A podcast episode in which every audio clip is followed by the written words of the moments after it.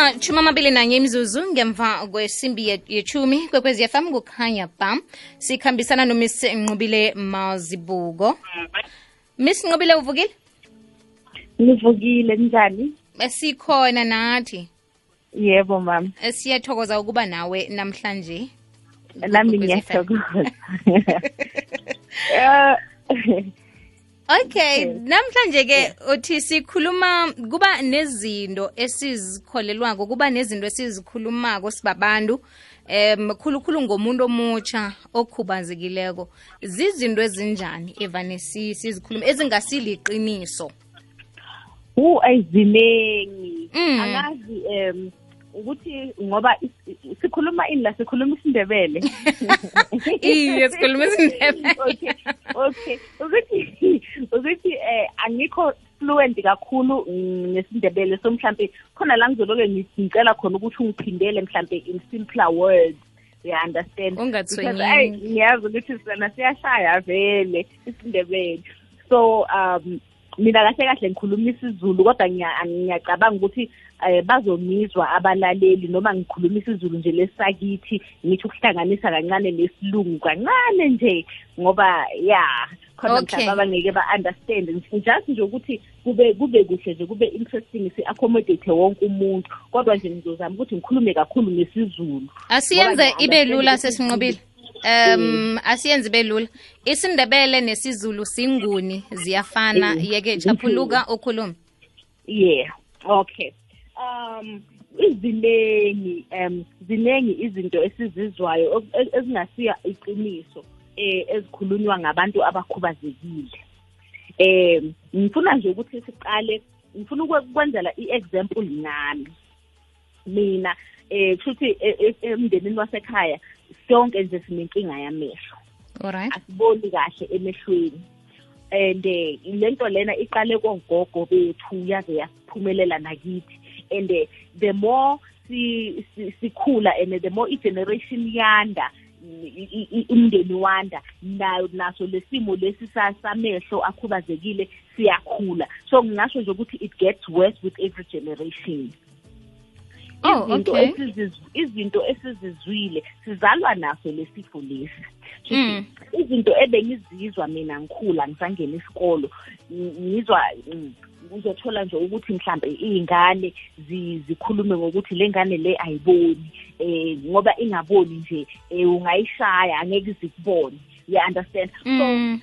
you understand ukuthi ukungaboni means ukuthi you can't see at all or ukungaboni means khona okubonayo kodwa ukubonela eduze. Ukungaboni can mean ukuthi u- u- khona okubonayo kodwa ubonela edeni zinengi i- i- i- khona okubonayo kodwa ubonela esayidini ubonela eceleni into oyi- oyi- oyibonayo kumele ibe seceleni. So nje engifuna ukusho ukuthi zinengi iy'ndlela zokuthi eh umuntu angaboni emehlweni. Kodwa manje abantu mangabe ungathi nje awuboni babelieve ukuthi awuboni next and izinto ebengizizwa sizizwa nomndeni wakithi ukuthi eh why ngathi si-offend uNkulunkulu? Mm. you understand? Eh senzeni kuNkulunkulu omama bethu benzeni kuNkulunkulu? Yindaba singaboni sonke emndenini. You understand? Not understanding ukuthi i-disability is a disability that it's a genetical disorder. Uyayizwa leyo nto and eh, abantu banokucabanga ukuthi mhlambe uma kuwukuthi eh something is wrong something e different ngawe eh njengoba bese ngishilo nje ukuthi njengo ake sithathe nje si- sibeke eh sibeke eceleni indaba yokungaboni emehlweni ake sithathe nje le eyabantu abaphila nealbinism. Abantu abaphila ne-albinism ziningi mina nginabangani. Abaningi bonke abangani bami baphila ne-albinism bangabe nje nginatshela iqiniso ngoba sihambe esikoleni esiyi-one sabantu abangaboni kahle emehlweni and besihlangana sonke nabo. Abantu abane-albinism baphila kabuhlungu emhlabeni wethu ngoba babhilive ukuthi umuntu one-albinism aw- angakwenza ube rich nje uma ungambulala. Angakwenza ube rich nje ungaba ungaba isikhokho somuntu o-rich. Babhilive ukuthi umuntu one-albinism eh u- u- u- washa u- umama kushaywe uNkulunkulu. Yiko bebabizwa ishayo bababiza inkawu bababiza nje zonke lezi zinto lezi ezingahlali kahle e- e- enhliziyweni zabo. And ngifuna leyo nto leyo ukuthi iphume siqede ebantwini bakithi ukuthi umuntu one-albinism is a genetical disorder. Ayikho into yokuthi umuntu one-albinism uyanyamalala. Mm. uya-understand uma Mhm. ngabe uyanyamalala. Mina sengibangcwabile nje baningi abangani bama ne-albinism I'm a living testimony ukuthi umuntu one-albinism aka- aka- akanyamalali. Ngiyababona siyabangcwaba asiyiqede nje lento yokuthi sicabanga ukuthi bayanyamalala. And then enye into futhi engifuna ukukhuluma ngayo ukuthi ma une-disability bantu benkosi ngicela ukuthi sizamele uku-accommodate lawa amanye ama-disabilities. Indaba ye-disability it doesn't mean ukuthi umuntu oku-wheelchair uye kuphela one-disability. Mina nje i go through my life abantu believing ukuthi angina-disability because i-disability yami isemehlweni. Angixhugi angihambi nge-wheelchair angihambi ngama-crutches. And abantu abane-disability are believed to be labo abalimphayo abahamba nge-wheelchair. Ngizohamba nje nge-police station. Let me make you an example. Ngahamba ngaya e-police station ngelinye ilanga. Manje uma ngise-police station anginenkinga vele bengiyokwenza i-affidavit ngifuna ukucertify.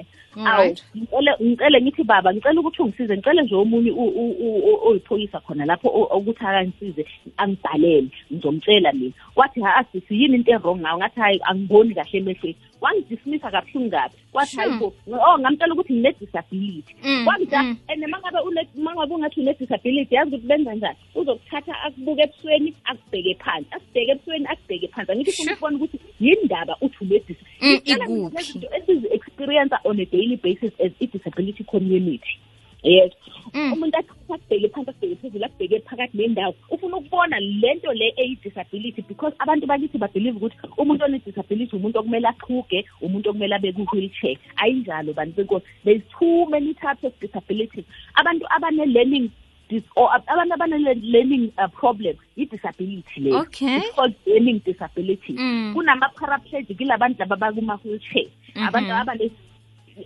abantu abane-disability. Kunalabantu abane-cp uh, uh, i-cp cerebral palsy dysplasia uh, i-disability leyo. Alright. kunabantu abanenkinga yamehlo njengami-ke thina sifola under i-blind society. Yi-disability umuntu one umuntu onenkinga yamehlo bantu benkosi umuntu one-disability. We cannot dis, uh, we cannot dispute that. You understand. Mhm. and ziningi kunabantu abanoma abanoma-autism abano-ADHD kunabantu ziningi ku- ziningi i-epilepsy. Ma ngingakutshela ukuthi ngine-disability bazongibuza yini i-disability yakho? Ngithi i-epilepsy. Angeke bangibhilive. Mara under i-disability uh, categories ikhona i-epilepsy ukuthi umuntu one-epilepsy umuntu one-disability and uyayihola imali ka-government ma une-epilepsy uyayizwa leyo nto. So kutsho So, ukuthi umuntu ophilako umuntu ophilako kufanele azicale azicalisise angacali omunye umuntu ukuthi eh une-disability. Kufanele ngizicale mina ukuthi ngine-disability nanginje. Uzothola uzothola ukuthi wena uzotshela ukuthi wena awuna Mm. disability nothing wrong ngomzimba wakho kanti Mhm. eh, ama-disability amaningi khona esemqondweni. Mhm. Uyayizwa leyo nto. Mm. and abantu ababhilivi ukuthi yazi uma ngabe ngizokutshela ukuthi uma ngabe umntwana ene-ADHD abantu i-community bazocabanga ukuthi bamloyile. Imithi leyo. Okay because it's not alright confirmed by bazokutshela bazohamba baye esangomeni bakutshela ukuthi bamlwele cha i-disability esemqondweni even nalaba abane-cerebral dysplasia i-cerebral palsy bakutshela ukuthi bamloyile bakuloyile. Mm. uzogijimeza uhambe uye ebantwini ababonayo bafike nabakutshela okunye.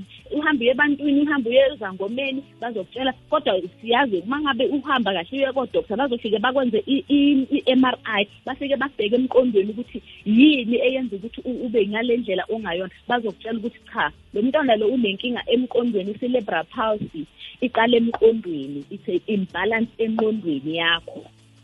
Uyayizwa? Kodwa Ngikuzwa abantu kuhle. bakithi kodwa abantu in community babhiliva enye into yokuthi siloyiwe. Yabo? Miss nqobile kwala isikhathi singaragela phambili nokukhuluma kodwana-ke nifunyene kanjani nange umuntu omutsha angathanda ukukhulumisana nawe? Eh ngikhona ngicela ukuthi em ngikhona nje ku ku- Facebook unqobile mazibuko. Em ngikhona ku Instagram nqobile mazibuko double one double two and then ngingashiya-ke nenamba yami ukuthi mhlawumbe abantu ngoba khona ne-group engiyenzile yabantu abane-disability uma ngabe kuwukuthi bafuna imisebenzi bafuna ama-learnership bafuna more information about ukuthi bangastobha kanjani this whole uh, uh stereotype nemithi lezi ezikhona esihlangana nazo. Banga nje bangangithola ku-whatsapp ku-083 6902 ngikhona and uh, ziningi and enye into bengifuna ukuthi ngiyi-addresse size unfortunately ngoba usho nje ukuthi isikhathi esiphelile bengifuna uku-addressa lesinye ukuthi abantu abane-disability abafundile. Sifundile. Ngikutshela nje kwamanje i'm a double master's degree holder. Wow. last friday. Yes Hmm. because i'm trying to break those barriers ukuthi abantu abane-disability abafundanga. Uyayizwa leyo nto? Ngikuzwa I'm a double master's degree holder i went to university ngikhuluma isilungu esinzima. Ngikhuluma isizulu i'm a bilingual. Ngibuwa sisuthu naso isindebele lesi ngiyasizwa futhi ngiyazi ngasikhuluma mase kumele ukuthi ngisikhulume ayikho lento yokuthi abantu abane-disability abazi lutho abafundanga. And ngicela ukuthi ama-parents bayekele ukufihla abantwana abane abakhubazekile ezindlini. There is nothing wrong ukuthi ucela usizo. Zikhona iy'kolo zabantu abane- abane-disability. Akhona ama-university uma ngabe baqedile imetric ikhona amabhasari angeke sihlalele abantu bazositshela ukuthi um something is wrong ngathi basisilele i-aha shame because sine-disability Mhm. ngifuna nje lawo mamith lawo nje aphele aphele nya.